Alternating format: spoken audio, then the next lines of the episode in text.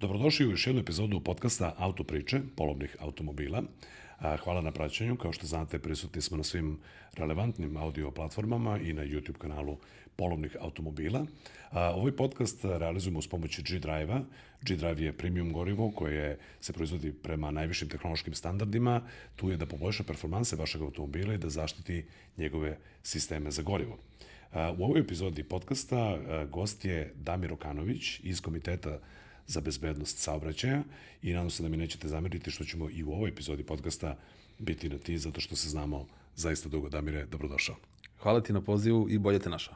Hajde da pričamo prvo o tome, e, prosto komitet za bezbednost saobraćaja zvuči kao nešto što bi rekao Čika Moma, jel tako, u, u e, nacionalnoj klasi i prosto takav naziv upućuje ljude, a ponekad čini mi se izbunjuje. Šta je to što Komitet za, za, za bezbednost saobraćaja radi i koje su tu zapravo razlike u odnosu na ABS? Jer negde, bukvalno i u razgovoru sa prijateljima, kada sam pomenuo planiram da zovem Damira da dođe u podcast i nismo se videli dugo, a znamo se, rekao bih, nekih barem 15 godina, a, neko reče, aha, Damira iz agencije. E, ljudi to negde mešaju. Dakle, šta je tačno Komitet za bezbednost saobraćaja i čime se sve on bavi? Mi imamo prilike da vidimo i tebe i profesora Vojanića i druge članove komiteta često u medijima kako nešto ovaj objašnjavate, edukujete i pojašnjavate, ali hajde da pojasnimo ljudima pre svega ulogu komiteta i kako on funkcioniše. A, pa evo ovako, malo istorijski gledano. A, Komitet za bezbednost saobraćaja je osnovni 2007. godine kao stručna organizacija, dakle a, mi nismo državno telo. I što je vrlo bitno, mi ne primamo novac iz budžeta, mi ne primamo plate za to što radimo, nemamo službene automobile i naš rad je ajde da kažem, praktično volonterski. A, ekipa koja, koja, što se kaže, osnovala, koja je bila kritična masa komiteta, jeste ekipa ljudi koja se sastala 2004. godine na izradi nacrta zakona o bezbednosti saobraćaja. Tada je to u to vreme a, vodilo Ministarstvo saobraćaja, ja sam bio savjetnik u Ministarstvu saobraćaja i a, došli smo, ajde kažem, do, do, do te neke tačke kada, kada ta jedna ekipa koja je učestvovala u zakonu, a bilo nas je sa više strana, kada smo shvatili potrebu da se na neki način organizujemo, da se institucionalno organizujemo i onda je 2007. godine nastao Komitet za bezbednost saobraćaja. Ko je bio naš zadatak u početku? Naš zadatak je bio, odnosno naše aktivnosti su bile usmerene a, na to da prvo a, skrenemo pažnju javnosti, a i političara, na problem koji se zove stradanje u saobraćaju. A, do 2005. 6. godine, stradanje u saobraćaju je bilo nešto o čemu se javnost izveštavala na servisnom nivou. Dakle, upalite jutarnji program i uzme voditeljki kaže danas će nestati struje u tim i tim ulicama, vode će nestati u tim i tim ulicama, a u poslednje 24 časa u Beogradu je poginulo troje ljudi. Ja, bukvalno servisna informacija servisna na nivou informacija. desilo se to i to ili bila je, ne znam, ako je nešto baš strašno bilo, saobraćajna nesreća tu i tu u Beogradu ili negde, desilo se to i tako to je. i kraj. Ili tako, ako je nešto onako emotivno strašnije, onda to izađe u novinama, 1, 2, 3 dana, ako je dete, onda ide izvešta iz porodice, pa izvešta iz škole i tu se završava svaka priča. A međutim, a, shvatite da, da, da e, javnost uopšte ne prepoznaje koji to nivo problema. I komitet je u startu krenuo u dva pravca. Znači, prvi je pravac ka javnosti, drugi je pravac ka političarima, odnosno donosiocima odluka. A, javnost smo a, na neki način, da tako kažem, uzbunjivali. Time što smo iznosili samo postojeće podatke. Da li znate da godišnje na našim putima pogine hiljadu ljudi? I tu je došlo do jednog šoka u javnosti koji je krenulo da, da skreće pogled javnosti ka tom problemu na jedan način na koji do tad nije postojao. Takođe smo krenuli, kao što sam rekao, i prema političarima. Prvi naš potez koji smo uradili po snivanju jeste bilo da smo tadašnjem predsjedniku Republike a, napisali pismo i zamoli ga da se a, Republika Srbija zvanično pridruži nedelji bezbednosti saobraćaja koji su proglasile Ujedine nacije. Dakle, to je bila 2007. godina april i Generalna skupština proglasila je poslednju sedmicu aprila za a, sedmicu bezbednog saobraćaja. A, to su te neke naše prve aktivnosti koje smo što se kaže, razrađivali.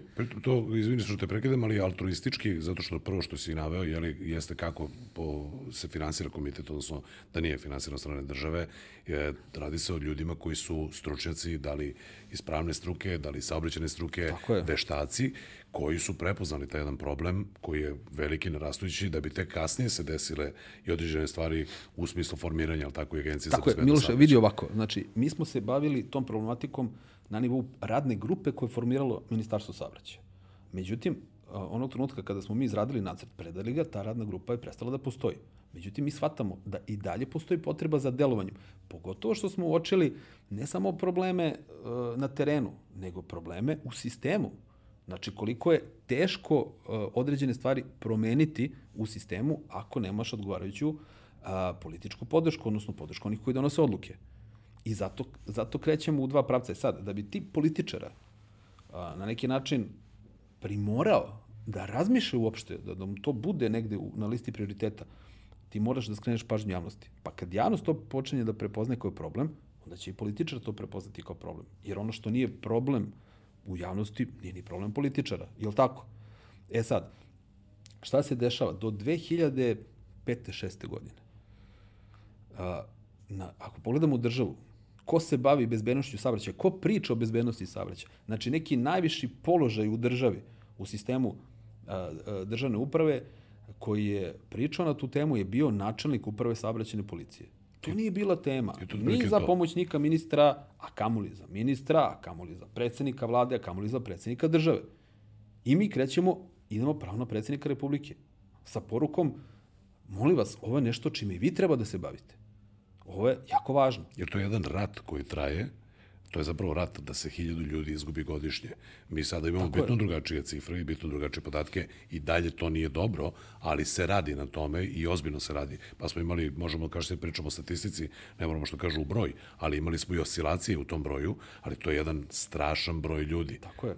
Užasan broj Miloše, ljudi. Šta, šta, je, šta je tu funkcija komiteta? Znači, a, naš zadatak, ono što ljudi vide, vide medijsko upiljivanje najčešće Eh, profesora Vunića i mene, jer smo mi, eh, kažem, dobili zaduženje u komitetu da mi budemo eh, zaduženi za medijske nastupe. Ali nismo mi oni koji idu samo i pričaju. Znači, mi smo puno toga uradili s tim što je nekako naš princip ne radimo to da bismo sami sebe reklamirali. Znači, mnogo toga smo mi radili za što javnost ne zna i ne mora ni da zna. Znači, nama je bitan rezultat. Ali sa druge strane, naš zadatak, kao i svakog udruženja, jeste da kritikuje.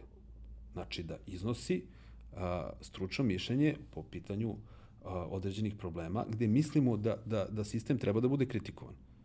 Što bi rekao profesor Alan Ross, vaše je da bacate drlje i kamenje na državu i na državni sistem kada oni greše. A, javnost je to već zaboravila. Dakle, 2007. godine smo osnovani.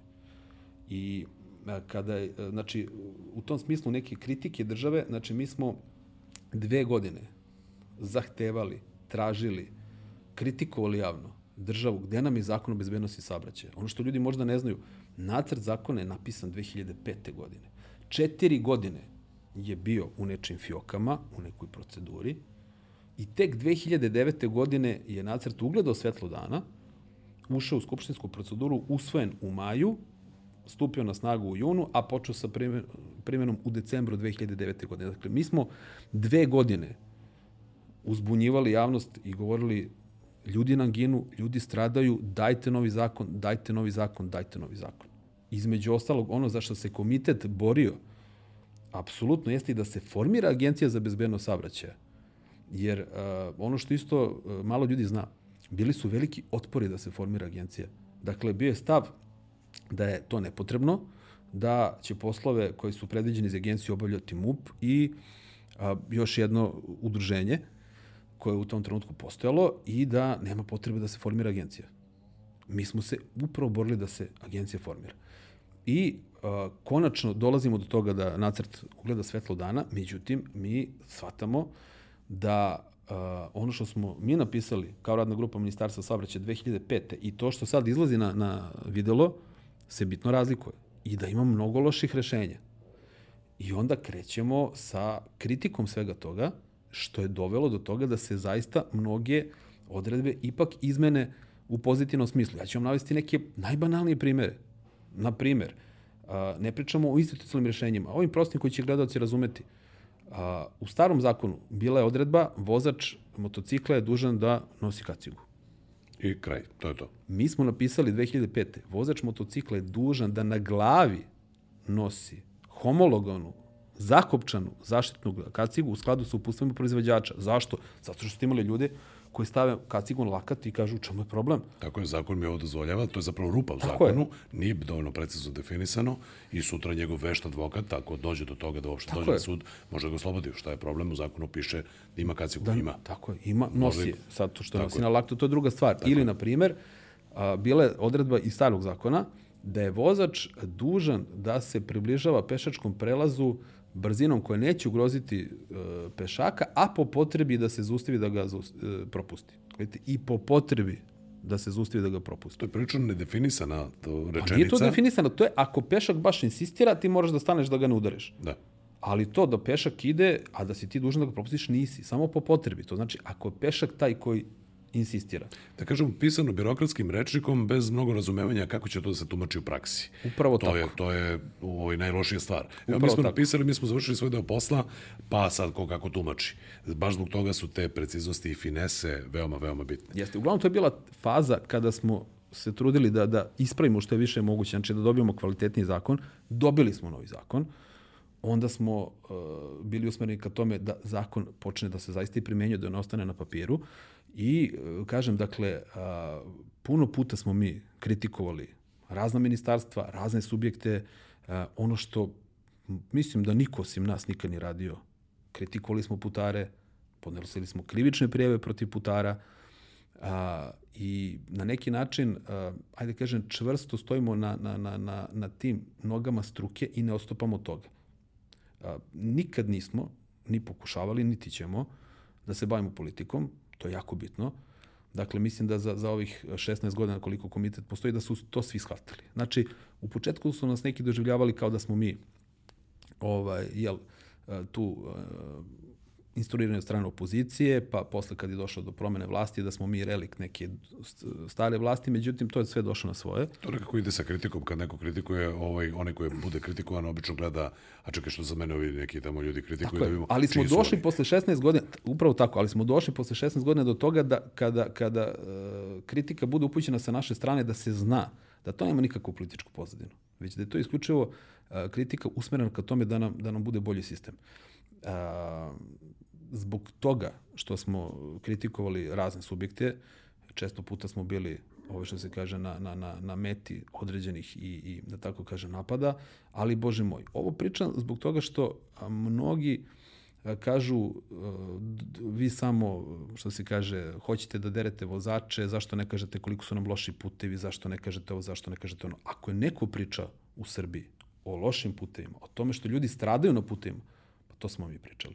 I nađite mi ko još priča, ja mislim da nije niko, zaista, neću sad u sebe da pravim ekskluzivnog heroja, ali zaista, što se kaže, nismo štedili nikoga i to isključivo iz jednog razloga, a to je da zaista imamo jedan bezbedan sistem, da, da ne razmišljamo da li će naša deca i da li ćemo mi negde da stradamo ili ne. Mi smo kao inače, kao ljudska bića skloni tome da pa, jeli, pamtimo samo neke negativne stvari, a da pozitivne primere prosto knjižimo, aha, to se negde desilo i onda obično smo skloni da kažemo zašto neko nije reagovao ili neko nešto nije rekao, za zaboravimo šta je sve neko ovaj uradio pre, pre toga. Um, ja sad dolazim do, do jednog pitanja ovaj, na koje pretpostavljam kakav će ti biti odgovor. Ovaj, uh, naime, Stella Artois 00 se pojavila na tržištu, verujem da to znaš, i to je dobar način da se na bezbedan način uživa u ukusu piva, a da može pored toga da se vozi, odnosno da se uživa odgovorno. E, I dolazimo do Stela Artoa 00 pitanja, a to je e, šta za tebe predstavlja bezbedna vožnja i kako vodiš računa o sebi i drugima u saobraćaju.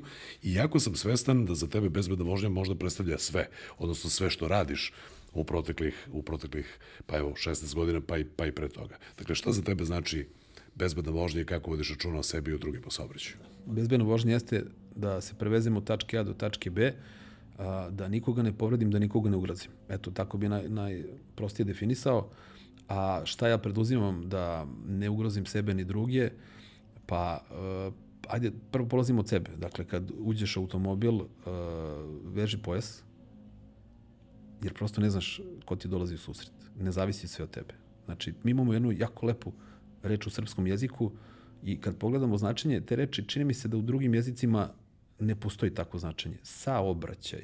Mi se obraćamo jedni drugima. A, znači, saobraćaj podrazumeva i drugi učesnike, mi smo svi u tome. Mi smo, Tako to se je. često i govori, pa i, i Nema saobraćaja sa, sa znači ne postoji solo saobraćanje. Tako je. Čim izađemo iz, iz, Tako iz je. stana, iz kuće, A čim nisi učesnici. sam, ne donosiš odluke sam. Tako je. To je problem. Zbog toga vežeš pojas, dete staviš u bezbednostno sedište ili ga vežeš pojasem, znači uradiš ono što je do tebe da zaštitiš sebe ako neko drugi pogreši. A onda ti kad kreneš, ti ne grešiš da ne bi ugrozio drugi. Znači, spreč, štitiš sebe od drugih, štitiš druge od sebe i to bi bilo onako najprostije rečeno to. Mislim da je jako lepo rečeno i evo ja ti ovaj, u to ime po, poklanjam jednu Stella Artois 00 čašu, Zahvaljujem. da ostane kao uspomena na, na ovo druženje.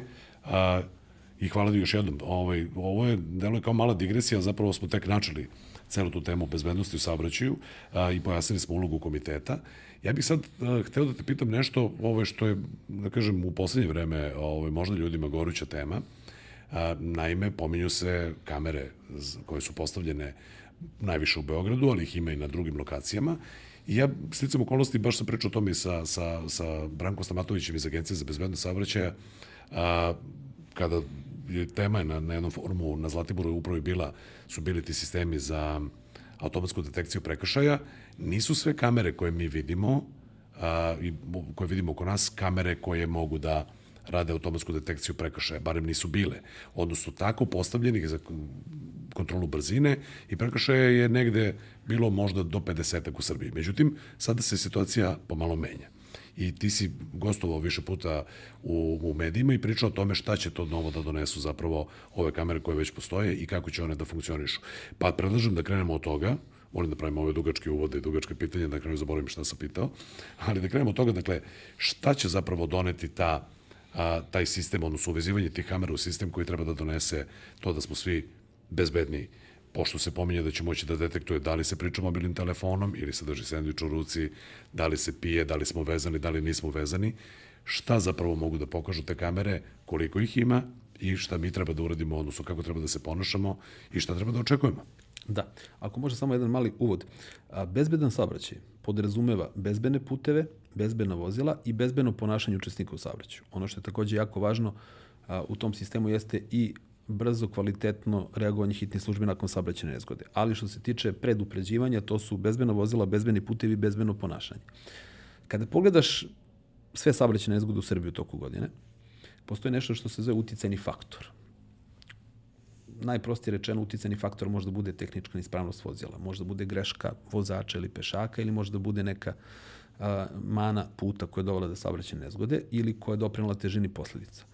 A, saobraćajna nezgoda može da ima ne jedan, može da ima više uticajnih faktora, može da postoji na strani vozača, na strani vozila na strani puta, da se to kombinuje i tako dalje i tako bliže. A, sve u svemu, kada staviš to na gomilu i izdvojiš onako statistiku, vidi se da je najproblematičnije u svemu ponašanje čoveka. Dakle, taj ljudski faktor je Tako osnovni. je, ljudski faktor 1, pa putevi 2, gde opet negde iza toga stoji ljudski faktor i onda su vozila na poslednjem mestu. A da bismo mi dobili željeno ponašanje učesnika u saobraćaju, postoje dva načina. Prvi način jeste da ti vozača, pešaka, ubediš da se ponaša bezbedno, a drugi način da ga prinudiš protiv njegove volje. A osnovna i najvažnija sistemska mera u našem sistemu jeste ubeđivanje. Kako to radimo?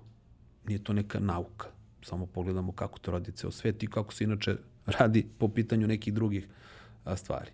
A, to se radi sa decom, što je lakša priča, jer deca nemaju stavove koji su pogrešni, pa treba da ga promeniš. Dakle, On nema nisu, nisu još stigli da tako kažem da se iskvare u tom smislu. Tako je. I ti mu lepo objasniš da treba da budu u dečjem sedištu ili da veže pojas i on to prihvata kao tako. Veći problem je sa odraslima koji imaju pogrešne stavove i koji treba da se promene. Dakle, neko ko vozi 30 godina i 30 godina ne veže pojas i smatra da je to glupost, ti sad treba da ga ubediš da to radi. I to se radi vrlo uh, jakim i delotvornim kampanjama. Ne kampanjama, molimo vas, vežite pojas, apelujemo na vas, vozite prilagođenom brzinom. To se tako ne radi. Jel ti znaš nekoga ko će svoje ponašanje posle 30-40 godina da promeni na molim vas, apelujemo na vas. To se tako ne radi. Nažalost, dakle, nažalost to se ta ne radi a, tako. Opet, kako treba da se radi? Pogledamo države koje imaju dobre rezultate. To mora da se radi kampanjama koje su ponekad i šokantne. Pomenuli smo alkohol. Mi smo uradili prvu kampanju u Srbiji vezanu za vožnju pod dejstvom alkohola. To je bila kampanja ili voziš ili piješ u saradnji sa Kancelarijom za mlade grada Beograda 2008. godine. I između ostalog imali smo bilborde a na kojima su bile sledeće poruke. Vozio sam pijan, ubio sam sestru i otreznio sam se bez noge. Taj sam vrlo zapamtio, u stvari zapamtio sam obe da. bilborda. Delimično sam na neki način bio u priopštini Novi Beograd u jednom trenutku za, na govornici kao deo delimično te kampanje gde sam i pričao sa čovekom koji se probudio bez noge i to je e, ljudima možda deluje šokantno i vratit ćemo se na to, izvini što sam te prekinuo, ali to nekako mora da bude šokantno, zato što samo na taj način se privlači pažnje i tako se to zapamti, i tako se to radilo. I tako se menja stav. Tako se menja stav i tako se to radilo i u drugim zemljama. Tako je. Dakle, to su nemile scene kada vidimo ljude, ja imam na mom Instagramu profile kasnije i saradnje sa, sa ABS-om, gde sam našminkan kao da sam bio u saobraćajnoj nesreći, gde smo to radili po festivalima, gde ljudi Tako je. dolaze da, da se provedu, zabave, piju, ali i tu su bile kampanje, dakle kad pijem ne vozim i ostale kasnije, kasnije derivati, ali to nekako mora tako. Izvini sa što sam te prekinuo, samo sam teo da ne, ne, hvala ti, odlična, je odlična digresija, tako. jeste. To je prosto tako. E sad, znači to je ubeđivanje, a sa druge strane prinuđivanje. A, I to mora da ide jedno s drugim. Dakle, ne možemo se raditi, baviti ni samo predupređivanjem, ni samo prinudom, moramo kombinovati jedno drugo u nekom balansu. A, što se tiče prinude, nije bitno samo kolika je zaprećena kazna. Možete staviti kaznu od 3 miliona dinara i oduzimanje kuće, ne znam šta. Ali džaba ukoliko neko stalno čini takav prekšaj, a nema reakcije. Dobar primer za to je, na primer, sistem takozvano oko Sokola u Beogradu.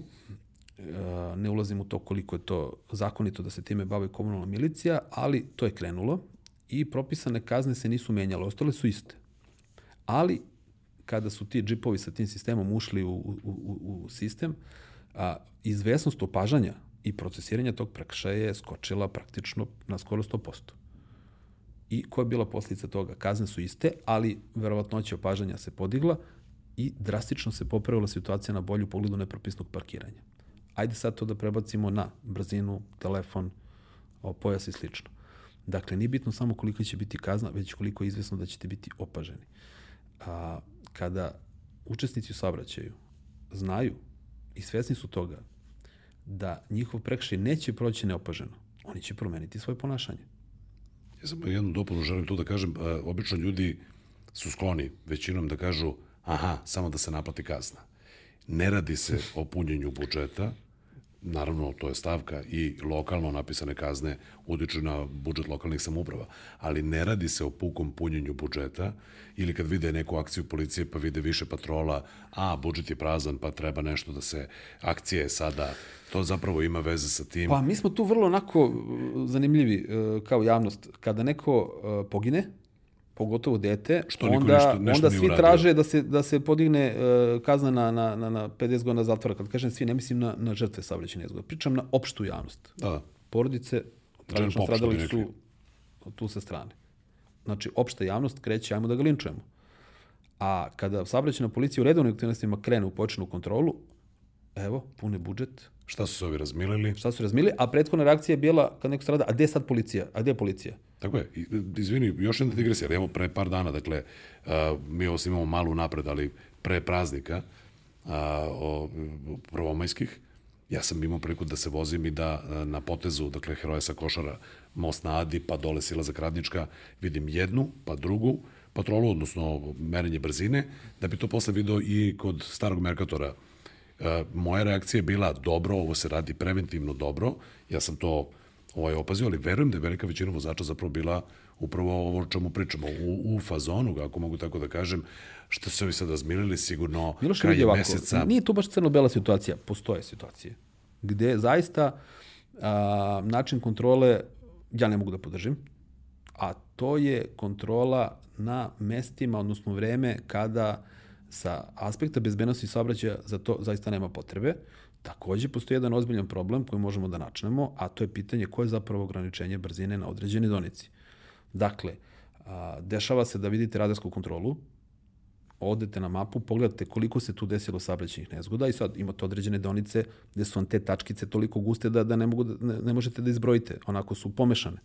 A onda pogledate tu gde stoji radarska kontrola i vidite da je bila jedna jedina saobraćajna nezgoda i to sa materijalnom štetom u proteklih pet godina. Slažem se sa ovim i hoću da podržim, hoću da kažem, istina nije potpuno na ome da, da, sam, da sam ja krenuo.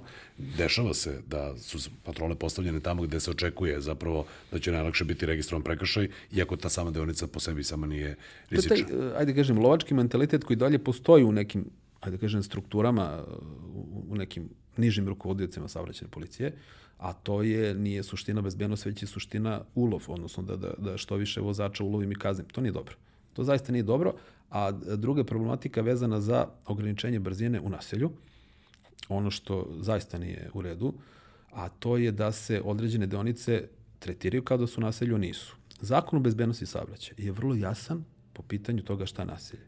I zakon kaže ako naselje je izgrađen, funkcionalno objedinjen prostor, namenjen za život i rad ljudi koji njemu žive i čije su granice obeležene saobraćajnim znakom. Znači, da, biste, da bi određen prostor bio tretiran kao naselje, mora da se ispuni pet uslova koji moraju biti istovremeno ili kumulativno ispunjene. Ne može jedan od, moraju svi. Znači, taj prostor mora da bude izgrađen. Morate imati objekte i za život i za rad. Znači, ne može biti samo fabrika. Mora biti i stambene zgrade. Da je to funkcionalno objedinjeno kao jedna celina i da postoji saobraćajni znak.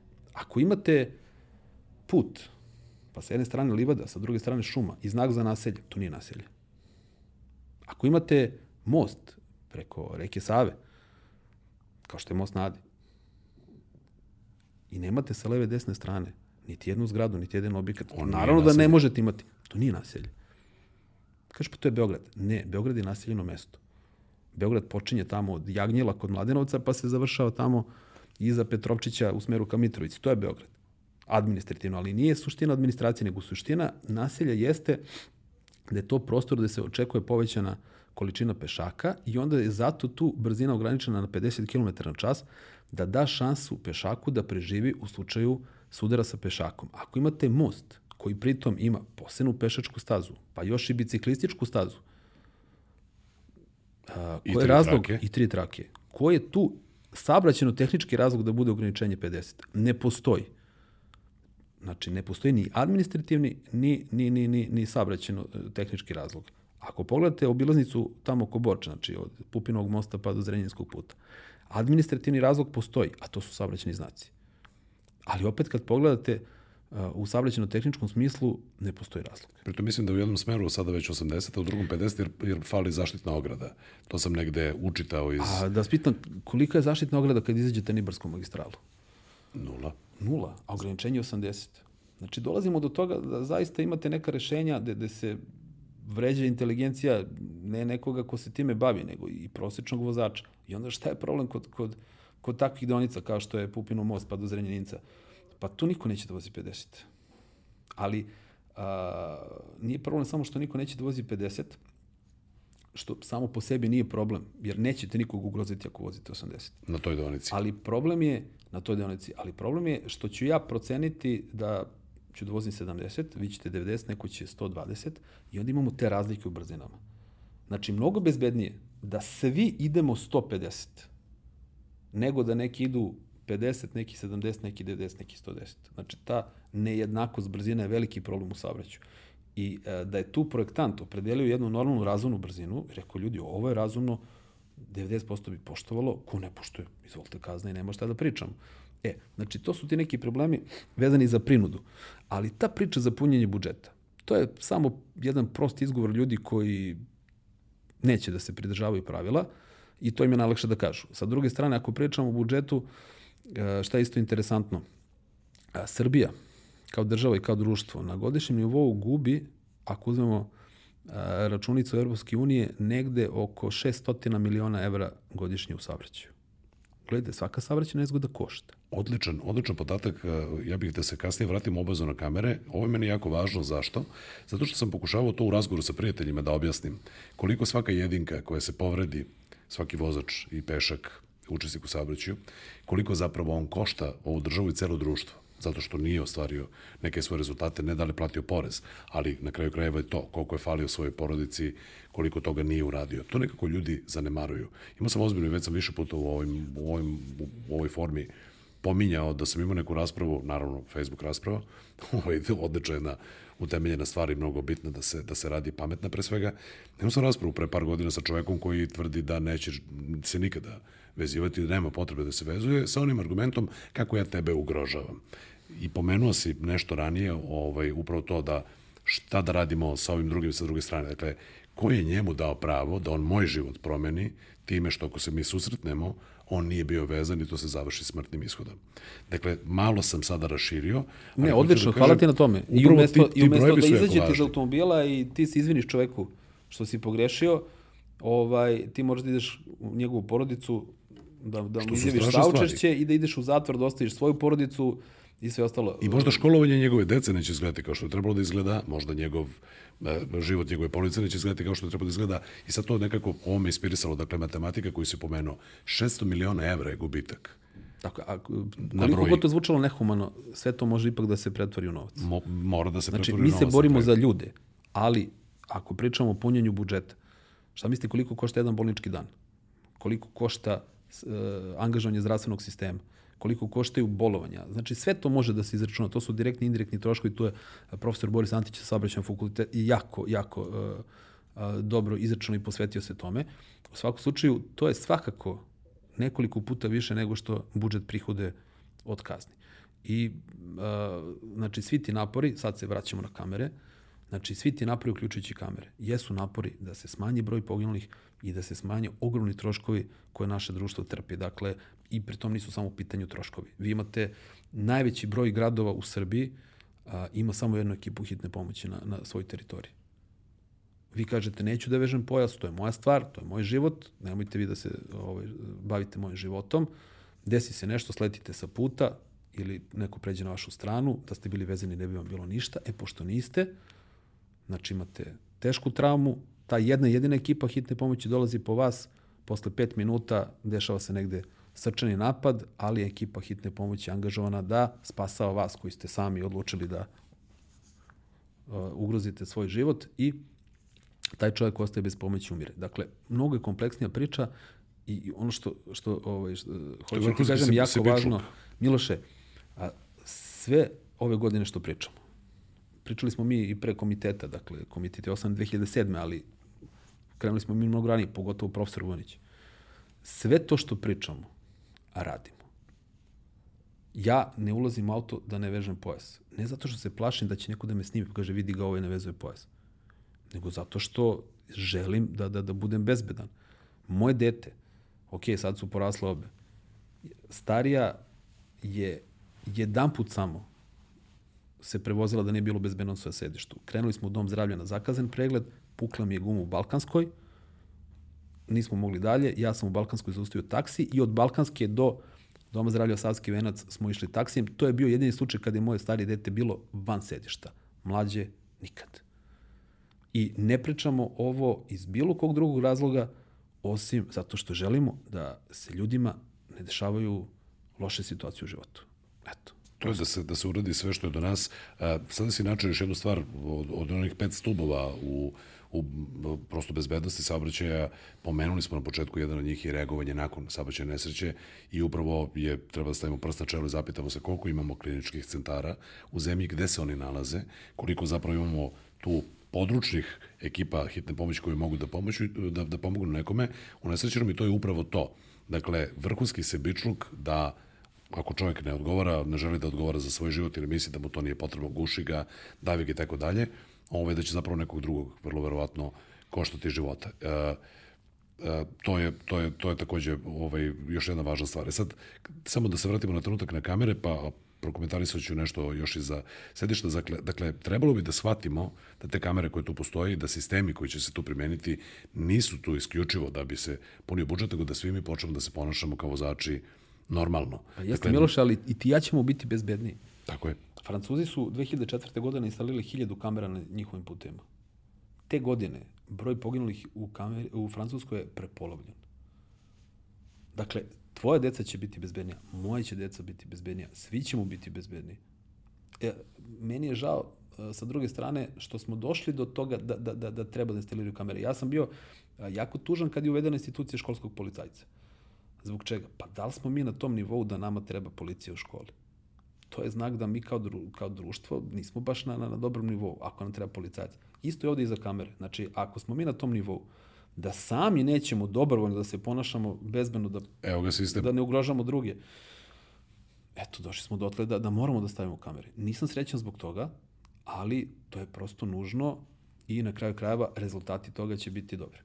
E, pomenuli smo rezultate negde na početku, kada pričali, pričali smo prosto da je, kada je došlo do ideje za formiranje komiteta, da je hiljadu poginulih bilo u saobraćaju, hiljadu stradalih. E, sada je to negde, čini mi se, 500. na, na 500. Bilo je godina unazad kada je bilo možda nešto malo niže, ali bilo je kada je bilo više, kada je bilo 700, Bilo je 600 i 2000. tako dalje. Ali to je zapravo uh, i čudno zvuči, pomenuto već ranije u ovom podcastu, nekoj od ranih epizoda, to je nešto što je za zemlju duplo veću od ove zemlje realna cifra. Mi bi zapravo trebali imamo duplo manje. Dakle, da ne bude ni 500, nego da bude 250 do 300 maksimum. A, Mi ne bismo trebali da imamo uopšte. ne bismo, to je upravo tako, malo čudno zvuči kad ja ovako izgovorim. I zapravo vizija Ne, jasno, jasno, i. ABS-ove, jasno, da. ABS-ova ovaj, Po strategiji da koja bude je vlada usvojila 2015. mi smo trebali da imamo 2020. najviše 365 poginulih, a najbolje dokle smo došli je 492, čini mi se. I nije se daleko ispod smo, toga. daleko smo od onoga što smo sami zacrtali kao neki cilj. E, hoću da kažem, pomenuli smo ovaj, neke od tih uzročnika i alkohol je ovaj, tu takođe bio prepoznat. Ljudi često bi stavili alkohol na prvo mesto. Dakle, da kažu, pa da, voze pijeni. To je negde najbombastičnije kada, kada, ovaj, kada se čuje. Međutim, zapravo nije to, odnosno možda to statistika ne može da pokaže, jer nisu svi koji su seli pod dejstvom za volan detektovani, je li tako? Sada je već i psihoaktivne substance u, sve većem broju. A, zapravo je brzina. Ali brzina je često najveći, naj, naj, najčešći faktor, može da bude kombinovana, sad je to pitanje da li imamo indikatore koji mogu da kažu da li čovjek bio istovremeno na telefonu, ili bio istovremeno i pod testom alkohola ili psihoaktivnih substanci. Ali teo sam samo da krenemo u to šta su najčešće greške nas kao vozača, pa i kao pešaka, šta tu kaže statistika, ne moramo u broj, i kako to da pokušamo da promenimo. Pa brzina je definitivno ubica broj jedan u celom svetu, pa i kod nas. S tim što moram da kažem, e, kod nas se često nečiji tuđi propusti pripisuju vozaču i kažemo nije prilagodio brzinu. Na primjer, imate neobe- neobeleženu rupu na kolovozu, koju vozač nije imao razloga da očekuje, a, upadne u tu rupu, dođe do saobraćajne nezgode i onda se napiše njemu prijava jer nije prilagodio brzinu rupi na putu. Odnosno uslovima kretanja, uslovima vožnje i tako dalje. kako se već To kaže. zaista nije greška e, vozača, već je greška onog ko je odgovoran za, za taj put. drugi uticajni faktor i meni jako drago, izvini, da. što, što si u toj stolici upravo zato što se ovaj, često obraćaš upravo tim povodom. Ja verujem da to mnogima ovaj, lepo da čuju zato što treba upozoravati upravo na to pro, protest, uh, propust putara, šta uraditi tim povodom i hajde da vidimo i taj Miloše, drugi treći nećemo imati uticajni pomak faktor. ako svako ne radi Tako je. ono što je, što je njegov zadatak u sistemu. Nećemo imati. Dakle, ako, imamo, ako krenemo samo da su vozači bitni, idemo samo ka vozačima, a ne rešimo pešake i putare, nismo uradili pravu stvar. Dakle, hajde svako neka radi, znači, onu sistemu. Putari imaju svoju odgovornost. Dakle, ne može vozač ako ubije nekoga da, da ide u zatvor, a putar ako nekog ubije svojom greškom, nikom ništa. I nemam ništa protiv putara. Dakle, neki su rekli šta ti hoćeš da linčuješ putare, šta imaš protiv njih. Nemam ništa.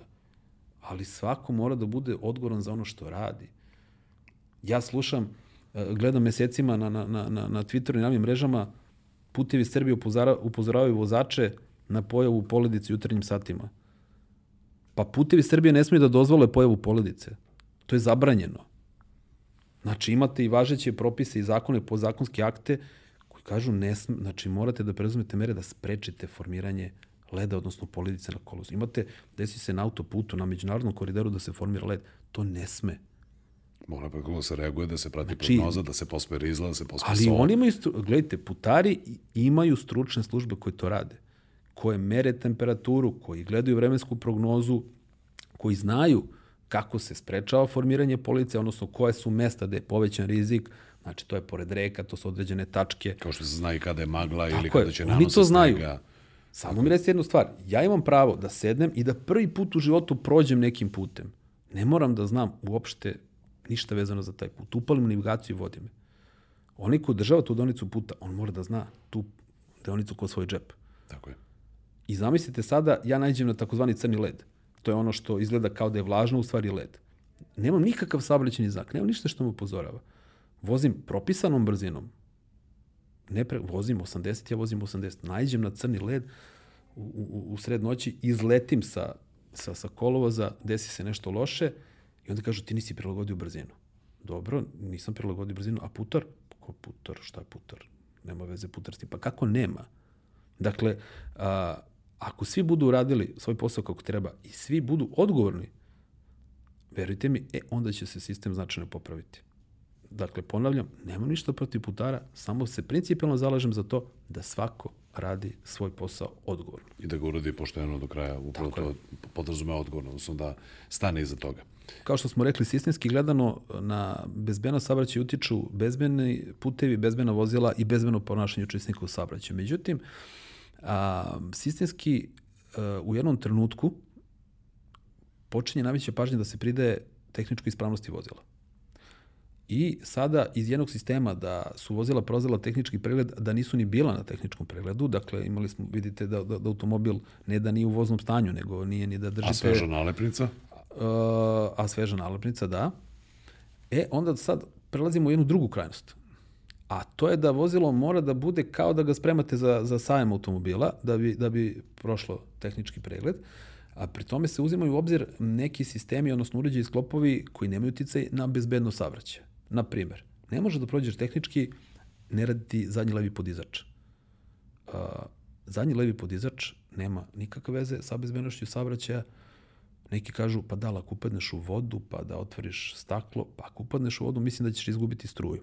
Ali u svakom slučaju, a, kreći... Sad to staklo treba da se polomi u toj situaciji. Da li sa kopčom... Miloše, zatamljena stakla, ili... kuke, folije. Tako. Natpi, znači, počinjemo da se bavimo stvarima uh, koji nemaju veze sa bezbednošću. I stvaraju se ljudima ogromni problemi s tim u vezi. A, mislim da je to bila jedna velika greška. Zaista, nažalost, deo javnosti je mislio da iza toga stoji komitet, da Damir Okanović stoji iza toga, da kažu što maltretiraš ljude. Ljudi, ne. Znači, mi smo podržali to u početku zato što je zaista trebao da se uspostavi neki red, ali kad je to otišlo u potpuno drugu krajnost, mi smo rekli uh, ovo zaista ne treba da se radi, jer koliko je nama poznato, apsolutno niko u Srbiji nije poginuo zbog kuke na automobilu ili zbog zatamljenih stakala.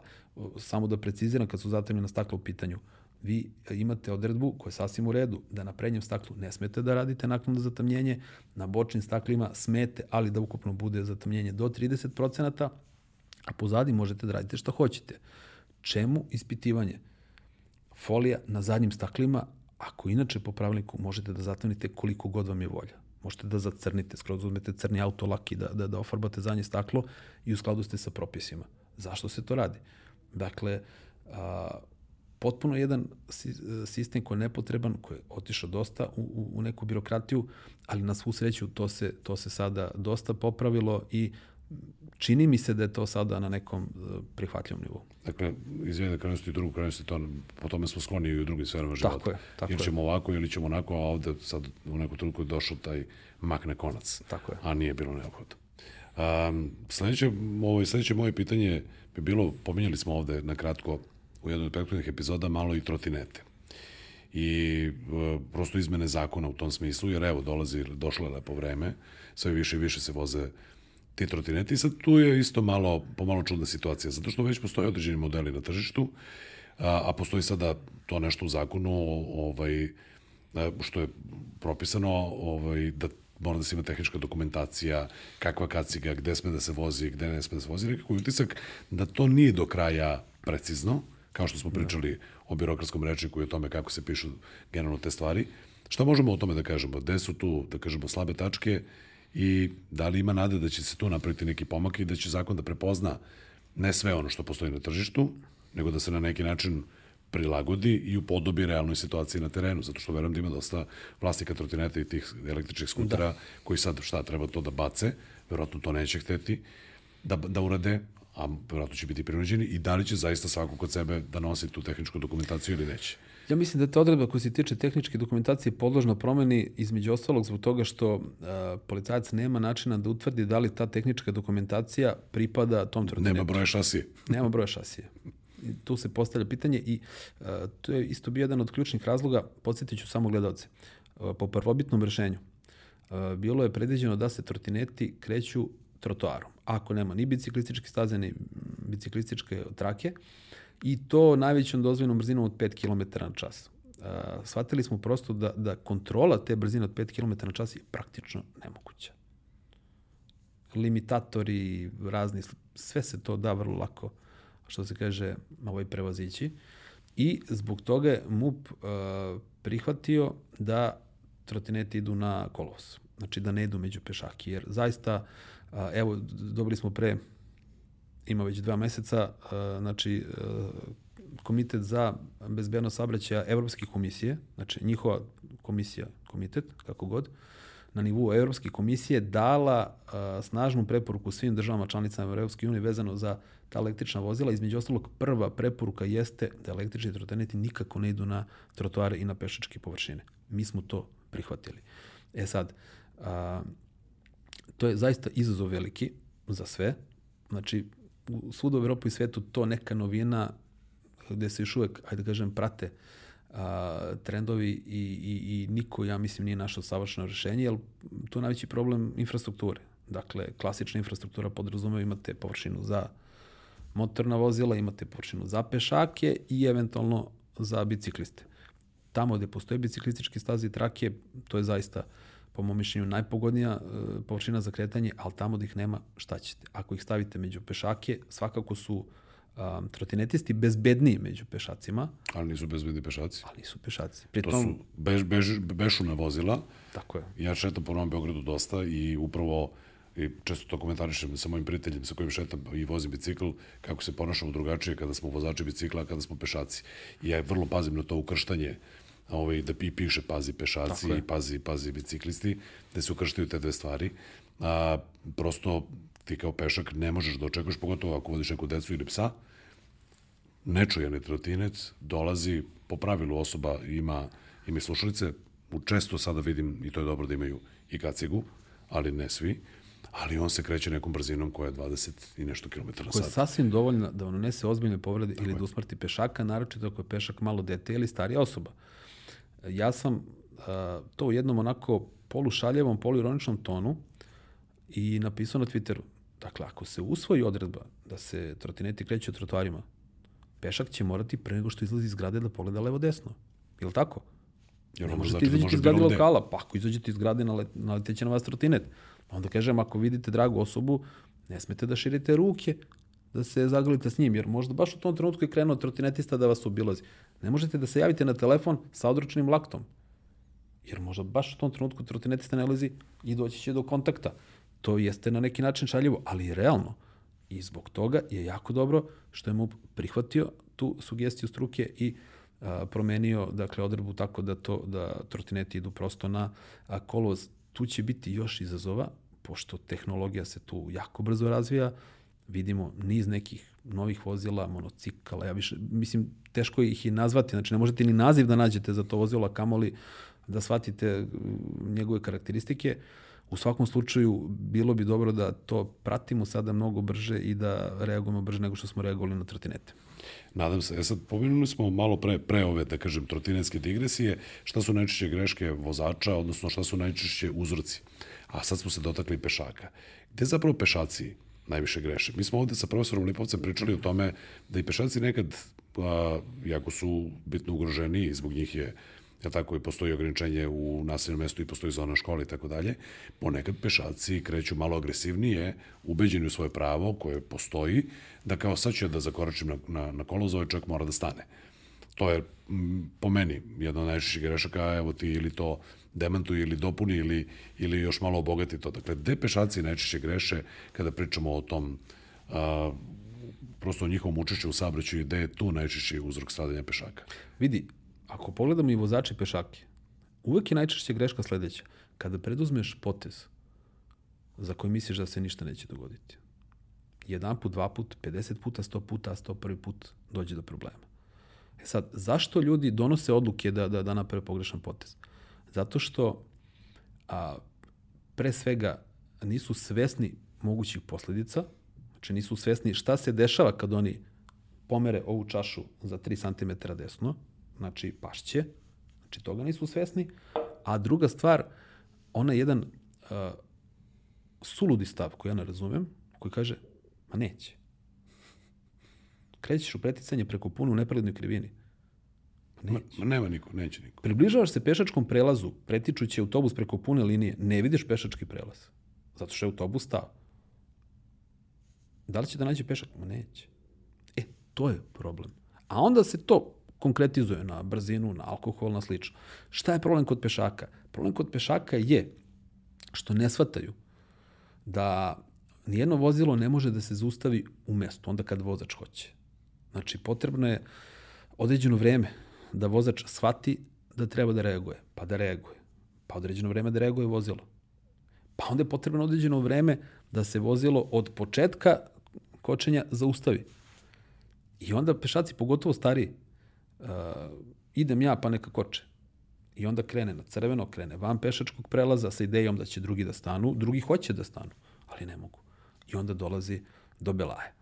A, to što si pomenuo da uh, nekad pešaci malo agresivno izlaze na pešački prelaz, pa u Srbiji to može da se čini tako. Ako odete u neku drugu državu gde, gde je kultura na zna, značajno višem nivou, a, pešaci uopšte ne gledaju levo-desno kada stupi na pešački prelaz. Jer su sigurni da, da će voz, vozač da ih propusti. U Srbiji su, nažalost, pešaci prinuđeni da dobro provere, pa kad vozač stane da još jedan put provere da, da li on siguran da, da će da stane. I ostvari kontakt očima, što i Da ostvari kontakt očima, da možda slučajno nije stao da proveri poruke na telefonu i slično. I onda dolazimo do toga da su vrlo često vozači ljuti na pešake. Kaže, pa gde izlećeš, šta ti je? Ja mislim da su ipak vozači ti koji su dužni da očekuju pešaka na pešačkom prelazu i kad ga ne vide, da budu spremni za, njegov, za njegovo pojavljivanje. A svakako ja svom detetu, odnosno svoj deci, uh, uvek kažem i kada je zeleno na semaforu, gledaj levo desno, uveri se, a kamoli kada je pešački prelaz bez semafora. Znači, i jako imaju prednost savjetujem to svoj deci, pa naravno da ću da savjetujem i svim ostalim. Apsolutno, ovo, ja sam samo ovaj, da se nelimično opravdam, zato što vidim u praksi da se to dešava, a kažem sa profesorom Lipovcem smo baš pričali o tome da jedna i druga strana moraju negde da se drže u okviru očekivanog. Dakle, šta je očekivano da će da se desi? Dakle, ne mogu ne Miloše, po propisima očekivano je da vozač stane. Slažem se. A sa strane vozača očekivano da se pešak pojavi na pešačkom prelazu. E, pešak je. ne može da kaže, uh, izvini, vozač ne može da kaže, može. Ne može da kaže otkud on tu. Ej, gledaj, uh, ovaj, ja sam zvezdaš, moj ćala je zvezdaš i, i sećam se, bila neka utakmica, ovaj, bili su braća Boško i Milko Đurovski. I a, Zvezda izgubila tu utakmicu, između ostalog Boško Đurovski dobio pas, znači bio je napad na, na zvezdanoj strani, zvezdina odbrana uzima loptu, šalje pas ka Bošku Đurovskom koji je bio tamo blejao na, na, na ovaj, suprotnoj strani i da je Boško lepo primio tu loptu, da je primio taj pas, znači bilo bi sigurno gola za Zvezdu i Zvezda bi dobila utakmicu. Međutim, a, sećam se tu utakmicu Boško se nešto spetljao. Znači uopšte nije primio taj pas lepo, jako mi je lepo, lepo išla lopta. Spetljao se, izgubio loptu i, i to je bilo to. I sad, čitam moje ćale novine, ovako novosti i ovako gleda, kaže, Boško Đurovski dve tačke, lopta me iznenadila. I ovako kaže čovjek, pa vidi, meni sad ovako da sad upadne lopta ovde u sobu na, na moje novine, ja bi se iznenadio. Ali pazi, njega iznenadila lopta na sred futbolskog terena. Pa šta je on očekivao? E, to ti je priča sa, sa, sa pešakom na pešačkom prelazu. Znači, može ti iznenadi pešak na autoputu, može ti iznenadi pešak ovaj, ne znam gde, ali na pešačkom prelazu ne može da ti iznenadi pešak. Tako da, dragi vozači, a, razumite, znači kada se približate pešačkom prelazu, i ako ga ne vidite, dužni se da očekujete pešaka, da prilagodite brzinu tako da možete da se zaustavite. Što se tiče pešaka, nije svako kretanje pešaka na pešačkom prelazu očekivano od strane vozača. Vozač očekuje da se vi krećete nekom normalnom brzinom. Dakle, istrčavanje na pešački prelaz nije nešto što vozač očekuje i što ima razloga da očekuje. Nagla promena načina kretanja, znači krenuli ste na jednu stranu pa se naglo vraćate na drugu, nije nešto što, što vozač ima razloga da očekuje. Dakle, a, nije pešački prelaz sveto carstvo pešaka da on sme da radi šta hoće. Pešački prelaz je ipak deo kolovoza, a kolovoz je namenjen za kretanje motornih vozila, dakle, pešak je na pešačkom prelazu ipak gost. Gost koji ima prvenstvo, gost koji je vrlo uvažen, ali mora da shvati da ipak gost i da se tako ponaša. Dakle, poruka i za goste i za domaćine. Na tome očekujte. Budite dobar domaćin i kulturan gost. E, Eto. upravo tako. Lepo rečeno. Dobro, e sad, uh, prosto nešto što će sasvim sigurno interesovati naše gledalce i slušalce uh, vezano za neke najavljene izmene u pogledu uvoza polovnih automobila, odnosno prosto ne bih sada da te, da te davim tim nekim pitanjima, ali najavljuje se pre svega zbog ekoloških normi. Šta zapravo dobijamo mi kao korisnici i učesnici u saobraćaju, kao korisnici i kupci polovnih pa i novih automobila tim napretkom automobilske tehnike? Dakle, ne radi se ovde samo o prosto o zagađenju i, i tim normama, nego nekako, ja sam čuo vrlo zanimljiv podatak, recimo da je uh, jedan veliki japanski proizvođač, ne najveći, ali veliki japanski proizvođač, tačno statistiki, statistički mogao da vidi koji delovi se naručuju kao rezervni delovi koji su kao posljedica saobraćajnih nezgoda i da sve manje i manje ima recimo branika, krila, vrata i tako dalje, od kako su svoje automobile počeli od najnižeg nivoa opreme da stavljaju svu moguću bezbednostnu opremu, odnosno sve moguće sisteme, da li to održavanje saobraćajnoj traci, radare, uh, urgentna kočenja i tako dalje. Dakle, šta tu možemo da kažemo? Dakle, najavljuju se te neke promene u pogledu uvoza polovnih automobila i čini mi se da najviše govore prve, prvenstveno o ekologiji. Ajde prvo da se dotaknemo ekologije. A, mi smo sad napravili neku najgrublju podelu na euronormu i ide se ka tome da će se ovo zabraniti, ovo neće, ovo će se posicati i slično. Ja mislim da ne možemo da ostanemo na toj gruboj podeli. Dakle, nije isto euro 3 dizelaš uh, ili euro 5 dizelaš i euro 3 benzinac. Tačno. Za početak. Nije isto euro 5 dizelaš i euro 3 benzinac sa tengijom. Dakle, moramo da vidimo konkretno koje je pogonsko gorivo u pitanju, ne samo koja je euronorma. E, druga stvar, e, malo ovaj stav ka električnim vozilima, e, nekako je zapad krenuo sa tim trendom. Mi smo samo prosto pogledali u smeru zapada i rekli, aha, to ćemo i mi. Prvo, mi moramo da shvatimo da Srbija i dalje najveću količinu električne energije dobija iz vrlo prljavih izvora, odnosno iz lignita, i da naše termoelektrane nisu baš usaglašene u smislu zagađenje vazduha sa evropskim normama, tako da ako bismo mi teoretski sad 2,5 miliona vozila istog trenutka nekako uspeli da prebacimo na, na struju, to bi dovelo do ogromnog povećanja e, potrošnje električne energije, ali takođe i do zagađenja, pogotovo u Kostolcu i Obrenovcu. Jel? A, druga stvar, što se tiče električnih vozila, mi imamo tu problem sa a, većom potrošnjom pneumatika, što opet zagađuje životnu sredinu. I imamo problem sa odlaganjem baterija. Imamo ozbiljnih problema vezano za požare na, na elektrovozilima. Dakle, prema podacima a, koje smo dobili, za gašenje požara na jednom elektroautomobilu, ne pričamo o autobusu ili ne znam čemu, automobil, potrebno je 16 tona vode. Vama jedna vatrogasna cisterna ima do 8, između 6 i 8 tona vode. Pričamo o ovim našim cisternama. Znači, vama su potrebne cele dve cisterne, a većina vatrogasnih jedinica na teritoriji Srbije ima samo jednu cisternu i jedno navalno vozilo. U zbiru nemaju tih 16 tona. Dakle, ako se zapali Tesla negde kod Čičevca, neće biti dobro. Neće biti dobro. I, ok, zato se znaju vrlo to dobro gledalci, ide se na neke druge, te, druge tehnologije, odnosno druga pogonska goriva. E sad, ako pričamo o nivou bezbednosti novih vozila, taj japanski proizvođač je rešio da ugrađuje sve sisteme u svoje vozila. Evropska unija donela e, određene propise da vozila koji se prodaju na teritoriji Evropske unije moraju da imaju određene bezbednostne sisteme pod obavezno, u kojem god da su paket opreme. Mi taj propis nemamo.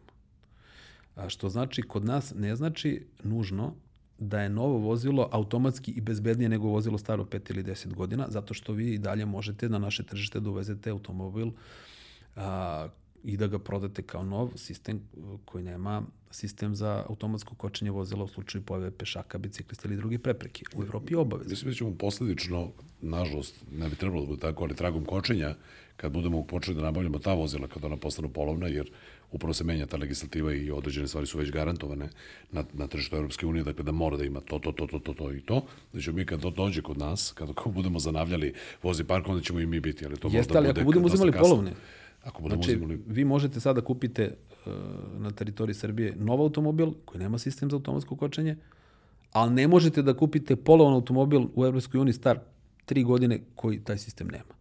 I onda se postavlja pitanje da li nov automatski znači bezbednije od polovnog? Ne.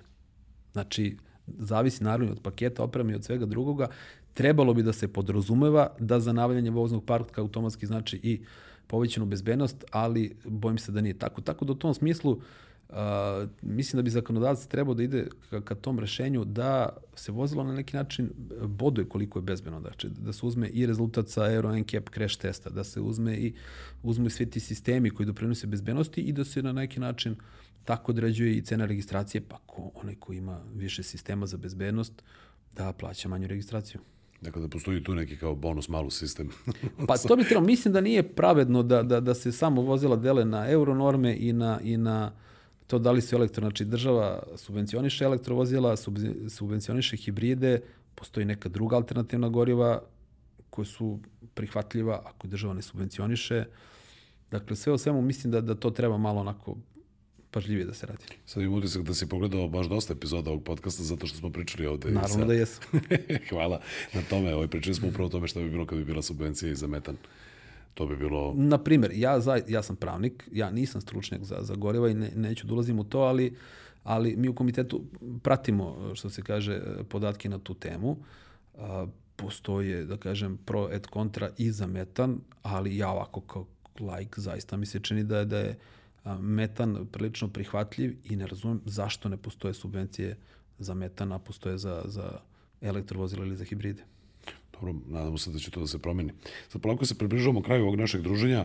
A, moje pitanje za tebe je kako da budemo, da, da obličemo u jednu ovaj, slatku, da kažem, poruku, ne mora da bude slatka, možda je to i gorka pilula, ali u jednu ovaj, kratku formu, kako da svi zajedno budemo bezbedni u saobraćaju. Nebitno na kom se mestu nalazimo. Da li smo ovaj na zebri koji gostuje, da li smo ovaj na biciklu, ovaj na trotinetu, ovaj na zadnjem sedištu ili ovaj na, na prednjem. Da promenimo pristup Znači, prvo da shvatimo da može da se desi nama. Ja ne kažem da, da svi treba ujutro da ustanu iz kreveta da kažu ja ću danas da, da nadrljam, stradaću. Ne. Ali da shvatite da to nije nešto što se dešava samo drugima i što čitate ono može da se desi vama. Podsećam i meni, mislim, neću da pričam samo u trećem licu, svakome od nas. A, podsećam gledalce da ne postoji segment a, ljudi a da neko nije stradao iz tog segmenta. Znači, u saobraćajnim nezgodama u Srbiji stradali su i političari, i estradne ličnosti, javne ličnosti, vrlo moćni ljudi, vrlo bogati ljudi i ništa ih nije zaštitilo od, od toga da stradaju. I ajde da probam da, da sad budem vrlo konkretan. Bez obzira da li preko polovnih automobila kupite Juga starog 15 godina ili kupite Majbaha, koji košta kao, ne znam, 500 tih jugića. Znači, da li ste platili 500 ili 200.000 evra, imate jedan vrlo simpatičan uređaj u tom vozilu koji se zove sigurnosni pojas. Znači ima ga Jugo i Majbah. Zapitajte se zašto ga ima i Majbah i Jugo. Koliko sistema bezbednostnih raznih ima u Majbahu i u, u svim vozilima te kategorije, da ne forsira Majbah, nego je to oni nekako... Dobro, pojem, kao, da. si, uporedio se zapravo najskuplje da. i najeftinije. Tako je. Ali, ali njihov zajednički sadržalac je pojas. pojas. Razmislite zašto, zašto i najskuplji automobili imaju pojas, iako imaju XY tih nekih raznih sistema za bezbednost. Zato što a, je to sistem koji vam daje najbolju zaštitu u slučaju sudara, u slučaju bočnog sudara, čeanog sudara, u slučaju prevrtanja sa razlogom. Probali su tehnološki ovaj, u raznim periodima autoindustrije da nađu neke zamene, da izmisle nešto što će da zameni pojas. Nisu uspeli. Molim vas, vežite pojas na prednjem sedištu. Molim vas, vežite ga na zadnjem sedištu. Ima razlog za to. Potpuno se slažem, dakle, vezujte i zbog sebe i zbog drugih i poseban apel za one koji su na zadnjem sedištu, zato što kada se upute sa zadnjeg sedišta ka napred, pri najmanjim brzinama padaju mnogo veću psilonu su lete kao da padaju sa trećeg, četvrtog, petog ili više spratova, pa puta masa i tako dalje. A, ok, dakle, da pređem na zadnje pitanje. Šta si prvo vozio, kad si položio? Kako je izgledalo to u tvojim prvim vozačkim danima? Položio 94. sa 18 godina, vozio Renault 4, TL 850 kubika, mnogo sam volao taj auto, zaista.